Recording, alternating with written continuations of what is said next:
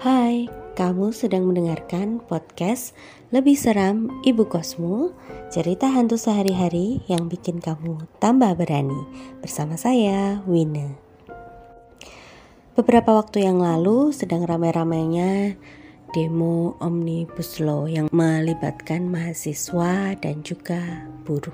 Saya jadi teringat cerita tentang salah satu saudara saya yang kebetulan bekerja sebagai buruh pabrik.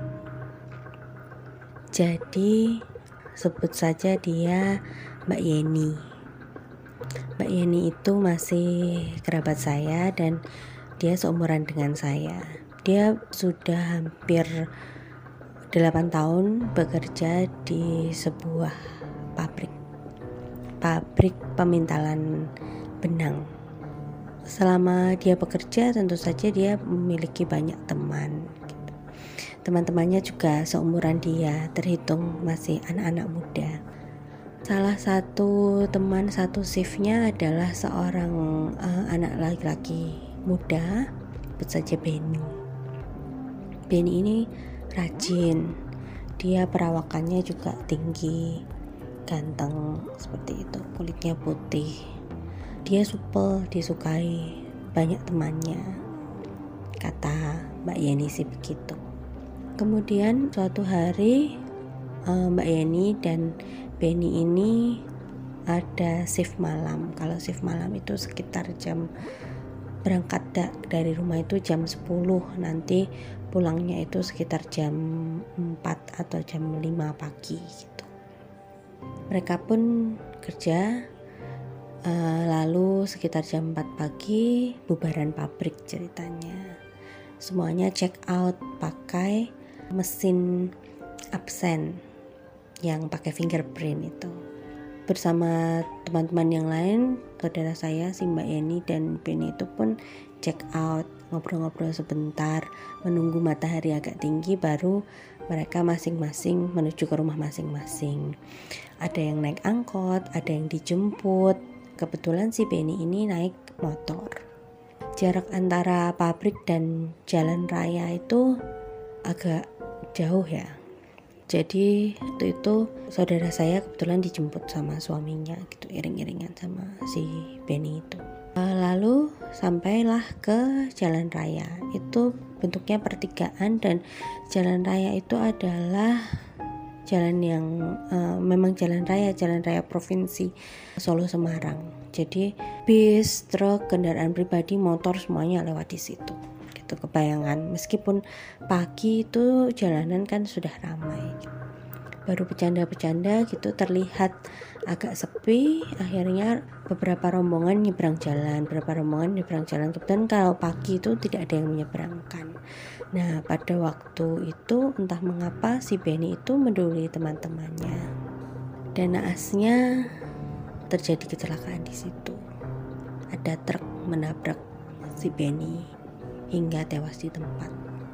Semua yang ada di situ juga histeris karena ternyata itu tidak kejadian sekali saja di perempatan itu dan uh, korban dari yang berasal dari buruh pabrik buruh pabrik itu bukan pertama kalinya si Benny itu. Tapi kejadian itu sungguh tragis karena disaksikan oleh banyak teman-teman buruh yang lain. Apalagi pagi dan barusan semalam mereka itu satu shift bekerja bersama-sama. Semuanya sedih dan shock sangat shock gitu. kabarnya waktu diangkat ternyata ada anggota tubuh Benny itu yang tidak ditemukan jari jarinya atau apanya gitu itu tuh uh, waktu dikumpulkan itu ada yang masih hilang karena tidak ditemukan ya akhirnya Benny itu di semayamkan dengan cara seperti itu dan akhirnya dikuburkan. Sudah itu juga sangat heboh di pabrik dan mereka melayat dan sebagainya. Ada ada masa-masa bergabung terutama pada shift itu.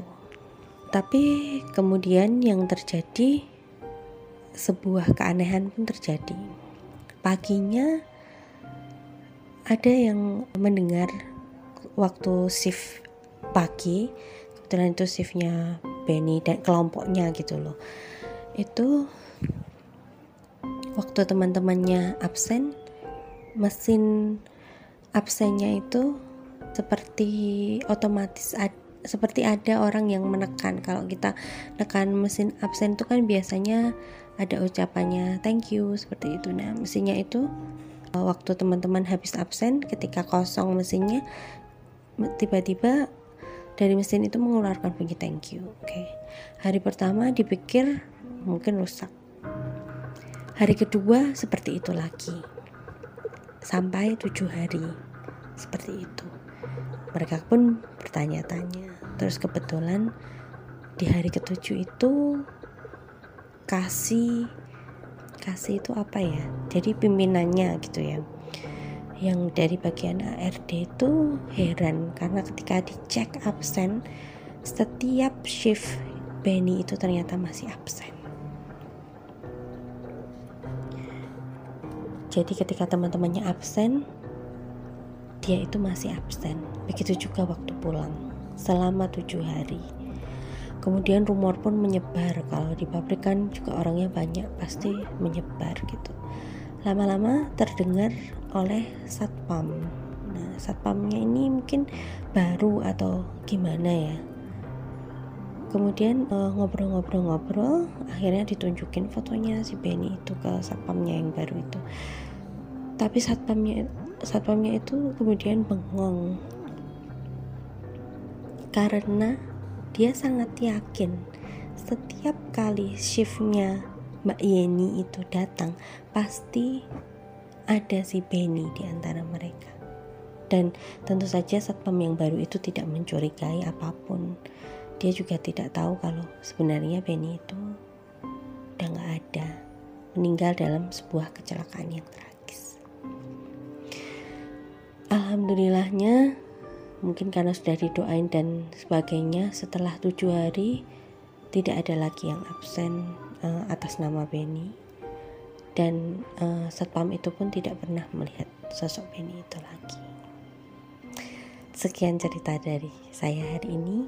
Terima kasih sudah mendengarkan.